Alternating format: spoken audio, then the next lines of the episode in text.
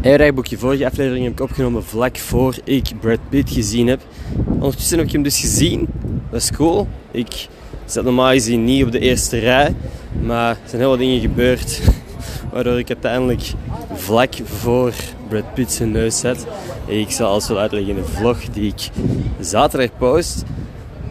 Het was een heftige avond. Het was heel intens. Ik kwam ook echt op mijn kamer aan en al mijn energie was weg. Ik weet niet of dat kwam door de gekke pieken en dalen dat ik heb meegemaakt die avond. Qua emoties en qua excitement en weet ik veel wat nog allemaal.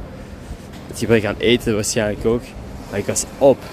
Ik Claudia gebeld en ik was, ik, ik, was gewoon bijna tranen in mijn ogen. Dat was ik weet niet wat dat was.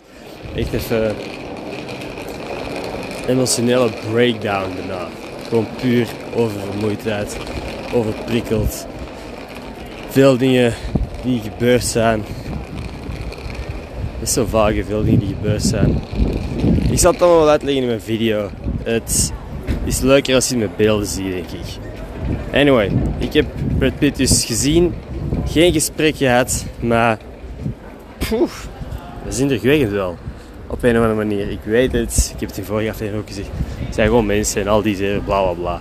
Ik vind dat een van de beste acteurs op deze planeet. Ik ben echt fan van heel veel van zijn films. Sinds, ik denk Fight Club. De eerste keer dat ik Fight Club zag, toen was ik even in een Brad Pitt film binge fase. En nu heb ik die gewoon van op twee meter afstand gezien. Het zal misschien iets meer zijn. Anyway, was sick.